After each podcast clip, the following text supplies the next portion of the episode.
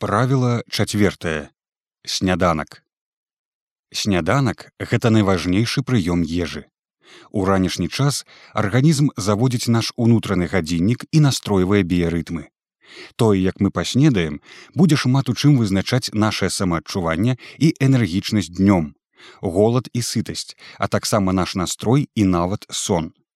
Для многіх людзей раніца гэта час без апетыту і радасці, але гэта няправільна, наладзіўшы сваю раніцу вы будете прачынацца са смакам да жыцця і добрым апетытам. І гэта значыць што вы на слушным шляху да здароўя. Калі мае кліенты сустракаюць раніцу з задавальненнем і вяртаюць апетыт яны хутчэй здаравеюць. Добрый сняданак дапамагае добра пачаць дзень і захаваць энергічнасць да самага вечара. Успомніце калі вы адпраўляецеся ў падарожжа і бензіну мала вы адразу запраўляеце поўны бак, каб затым ехаць спакойна і не баяцца таго, што паліва скончыцца. Пачынаючы дзень, важна папоўніць свае энергетычныя запасы, каб цягам дня ваш арганізм спраўна функцыянаваў.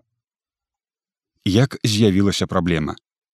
Павелічэнне тэмпу жыцця і адсутнасці рэжыму дня зрушваюць наш графік. Мы вячэраем і кладзёмся спаць пазней позняя вячэра і ўздым прыводзяць да адсутнасці часу для гатавання сняданку і ў нас да таго ж няма апетыту раніцай Усё гэта фармуе заганнае кола і мы ссоўваем гадзіны прыёмаў ежы на ўсё пазнейшы час Цяпер увогуле ў сярэднім 30соткаў людзей не снедаюць Многія пераходзяць на позні сняданак, а колькасць ужытых ранкам калорыяў імкліва зніжаецца.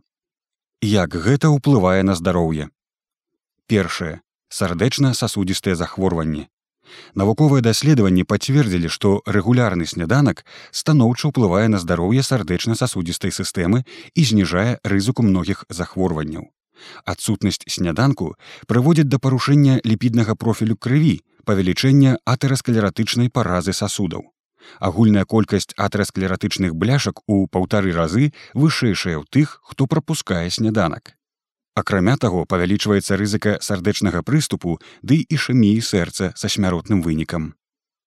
Другое атлусценне і цукровы дыябет. Сняданак зніжае рызыку метабалічнага сіндрому, атлусценне, дыябет, гіпертэнзія і да таго падобныя. Большасць людзей, якія пакутаюць на атлусценне, не маюць звычкі снедаць або з'ядаюць за сняданкам вельмі мала тыя, хто рэгулярна снедае, маюць на 30соткаў меншую імавернасць атлусцення і ў два разы зніжаюць рызыку цукровага дыябету. Трэцяе фертыльнасць. Сняданак уплывае нават на развіццё захворванняў, якія на першы погляд складана звязаць з харчаваннем. Напрыклад, на палікістоз яечнікаў, што ўзнікае ў сувязі з інсулінарэзістэнтнасцю, сытны сняданак і нізкакалярыйная вячэра дапамагаюць павысіць адчувальнасць да інсуліну і палепшыць гарманальны профіль, падвышаючы шансы на зачацце. Чацвертая сістэма голад сытасць. Адсутнасць сняданку прыводзіць да парушэння насычэння і паніжанага кантролю голаду на працягу ўсяго дня. Навукоўцы высветлілі, што маладыя людзі, якія прапускаюць сняданак, з'ядаюць на 40соткаў больш прысмакаў цягам дня спалучэнне сняданку з яркім сонечным святлом фізычнай актыўнасцю і прыемным абуджэннем гэта гарантыя добрага пачатку дня. Пятое прадуктыўнасць стрэс. Рэгулярны сняданак спрыяе паляпшэнню канцэнтрацыі ўвагі стабілізуе ўзровень цукру ў крыві. Айкю дзяцей якія рэгулярна снедаюць вышэйшая Пры адсутнасці сняданку змяншаецца наша стрэсаўстойлівасць, бо раніцай самы высокі ўзровень картызолу, што на тле адсутнасці ежы павялічвае рызыку разбурэння цягліц і назапашвання тлушчу. Пры адсутнасці сняданку змяншаецца наша стрэсаўстойлівасць, бо раніцай самы высокі ўзровень картызолу, што на тле адсутнасці ежы павялічвае рызыку разбурэння цягліц і назапашвання тлушчу. Асноўныя прынцыпы. Першы здаровы сняданак здаровы сняданак гэта рэгулярны сытны высокабялковы ранні сняданак пры дастатковым узроўні асвятлення. Такі сняданак спрыяе спаленню тлушчу пры гэтым мацней выдаткоўваецца менавіта вісцэральны тлушч а не падскурны інтэнсіўней зніжаецца ахоп таліі. Сняданак дапамагае кантраляваць узровень грыліну таму вы пачуваецеся сытым на працягу ўсяго дня. Сняданак стабілізуе ваганні цукру ў крыві паляпшае настрой і прадуктыўнасць Спалучэнне сняданку з яркім святлом, фізычнай актыўнасцю і прыемным абуджэннем з'яўляецца гарантыяй добрага пачатку дня, бо менавіта раніца крытычна важная для нашага здароўя. Яна дазваляе перазагрузіць, наладзіць і сінхранізаваць працу цыркадных рытмаў.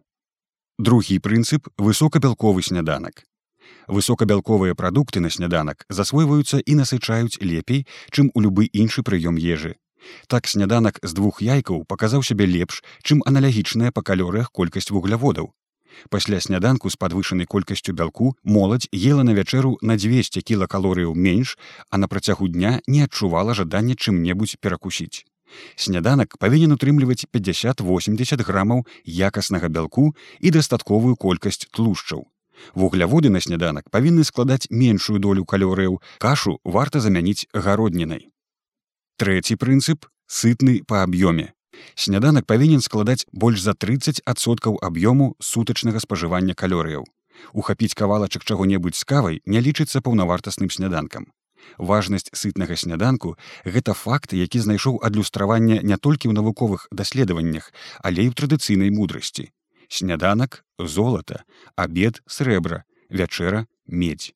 Сняданак з'еш сам, абедам падзяліся з сябрам, а вячэру аддай ворагу, снедай як кароль, вячэрай як жабрак і шматлікія іншыя. Чацверты прынцып ранні сняданак. Снедаць трэба ў першую гадзіну пасля абуджэння.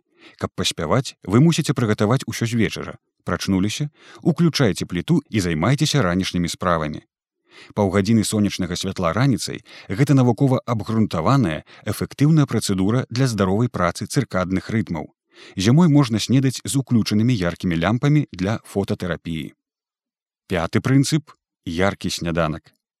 Самыя раніцы трэба ўключаць яркае святло якое знізіць узровень малетаніну і картызолу ранішняе святло павялічвае адчувальнасць да інсуліну і як вынік спрыяе пахудзенню. Сонечнае святло палепшыць настрой і павялічыць выпрацоўку дафаміну, бо дафамінавыя неўроны ёсць і ў сятчатцы вока, дзе ўтвараюць асаблівую рэтына-дафамінавую сістэму. Паўгадзіны сонечнага святла раніцай гэта навукова абгрунтаваная эфектыўная працэдура для здаровай працы цыркадных рытмаў. Зімой можна снедаць з уключанымі яркімі лямпамі для фототэрапіі. І як трымацца правіла, ідэі і парады хуткі сняданак у ідэале плануйце такі сняданак каб прыгатаваць яго за 10-15 хвілінаў складаныя стравы прадукты з працяглым часам гатавання не пасуюць. Актыўна выкарыстоўвайце спецыі травы каб надаць яркасці звыклым прадуктам. Прачынайцеся лёгка. Лёгкае і прыемнае ранішняе абуджэнне гэта важная прыкмета моцнага здароўя. Усталюйце на будзільнік прыемную малёдыю з паступовым павелічэннем гучнасці. Увечары візуалізуйце час абуджэння, няхай лічбы застануцца ў вас у памяці. Прайграйце некалькі разоў у галаве працэс абуджэння, як вы лёгка прачынаецеся за 5 хвілінаў да сігналу будільніка і адчуваеце сябе выдатна. Сфакусуйцеся на прадчуванні ад прыемнага абуджэння. Няма апетыту. Пры адсутнасці апетыту раніцай рабіце лёгкую вячэру ці зусім прапускаеце яе. Часам пры парушэнні сістэмы голад сытасць раніцай апетыту няма, але па меры нармалізацыі вашага стану апетыт будзе прыходзіць. Прачынайцеся заўсёды ў адзін час. І ў працоўны і ў выходны дзень прачынайцеся ў аднолькавы час. Ваша цела абвыкне абуджацца ў правільнай фазе сну і вам будзе лягчэй уставаць. Можна паэксперыментаваць, соваючы час абуджэння на 10-20 хвілінаў у абодва бакі. А што рабіць, калі трэба выспацца? Усё проста. Кладзіцеся раней спаць на наступны дзень. Гэта простае правіла. Прачынайцеся ў адзін час, засынайце, калі захацелася. Выкарыстоўвайце светлавы будзільнік. Светлавы будзільнік паступова павышае яркасць святла, і вы прачынаецеся лёгка і хутка. Гэта добры і карысны спосаб, не такі траўматычны, як гучны будзільнік. Выйдзіце на сонца кароткі шпацыр або прабежка на вуліцы пад сонцам выдатна наладзяць вас і вернуць апетыт. Цудоўна, калі ў вас ёсць сабака. Памятайце, што сонечнае святло гэта дзівосная крыніца здароўя і даўгалецця. Выкарыстоўвайце любую магчымасць пабываць пад сонцам, асабліва раніцай. Выкарыстоўвайце тэмпературны будільнік. Тэмпература таксама з'яўляецца сігналам для нашых унутраных гадзіннікаў. Уначы тэмпература падае і сасуды скуры звужаюцца. У мозг трапляе больш крыві і мы лягчэй прачынаемся. Зрабіце меншым ацяпленне на ноч і ранкам прачняцеся ў прыемнай і бадзёрай прахалодзе. Падвышэнне тэмпературы з дапамогай водных працэдур і зарадкі дапаможа вам зарадзіцца энергіяй і лягчэй прачнуцца. Разнасцежце вокны, выйдзеце на балькон, абліцеся вадой. Нагуляць апетыт. Зрабіце інтэнсіўную зарадку, але не даўжэй за 20 хвілінаў. Халодны душ са старанным расціраннем цела, заняткі спортам на свежым паветры добра падвышаюць апетыт. Шклянка вады. Выпіце шклянку вады пасля абуджэння. За ноч вы страцілі крыху вадкасці, зараз самы час аднавіць водны балянс. Пазбягайце канцэнтраваных вугляводаў. Дапускаюцца нізкавугляродная гародніна і зеляніна, капуста, салера, шпінат, цыбуля і гэтак далей. У звычайным варыянце можна разгледзець сярэднекрухмалістую гародніну. Непажадана рабіць сняданак з адной толькі кашы, няхай карыснай, не кажучы ўжо пра макарону. Прадоўжыце сытасць да абеду. Для прадаўжэння сытасці выкарыстоўваеце тлушчы. У ідэале ваш сняданак павінен быць такім, каб думкі аб ежы не прыходзілі вам у галаву да абеду. Для прадаўжэння сытасці дадавайце тлушчы, сметанковае масла, какосавы, аліўкавы алей, ялавічны тлушч. Дэсерт на сняданак. На дэсерт разгледце авакада, гарэхі, кавалачкі какосу, ягады, садавіну. Гарэхі выдатна насычаюць і добра пасуюць да гарбаты і кавы. Аўсянка сэр.